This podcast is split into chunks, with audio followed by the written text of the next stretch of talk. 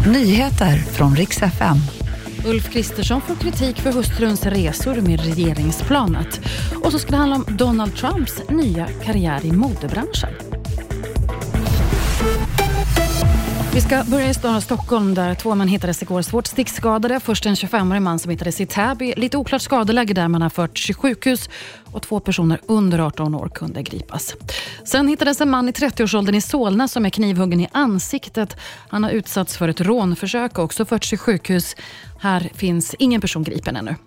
Statsministern har fått kritik för en flygresa som hans fru gjorde med regeringens plan. Några avdrag för hustrun gjordes dock aldrig. Det gäller en USA-resa för runt 16 000 kronor och det här det upptäcktes först av Uppdrag granskning. Regeringskansliet de hävdar dock att det här det beror bara på ett missförstånd.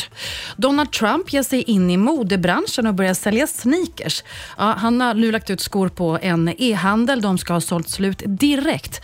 Tre modeller var det. Guldfärgad premiummodell för runt 4 000 och två lite billigare för runt 2 000.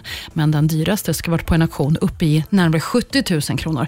Begränsad upplaga gäller. Han har ju enorma böter att betala sedan rättegången, så kanske bra att han fick en liten extrainkomst. Det var nyheterna. Jag heter Maria Granström.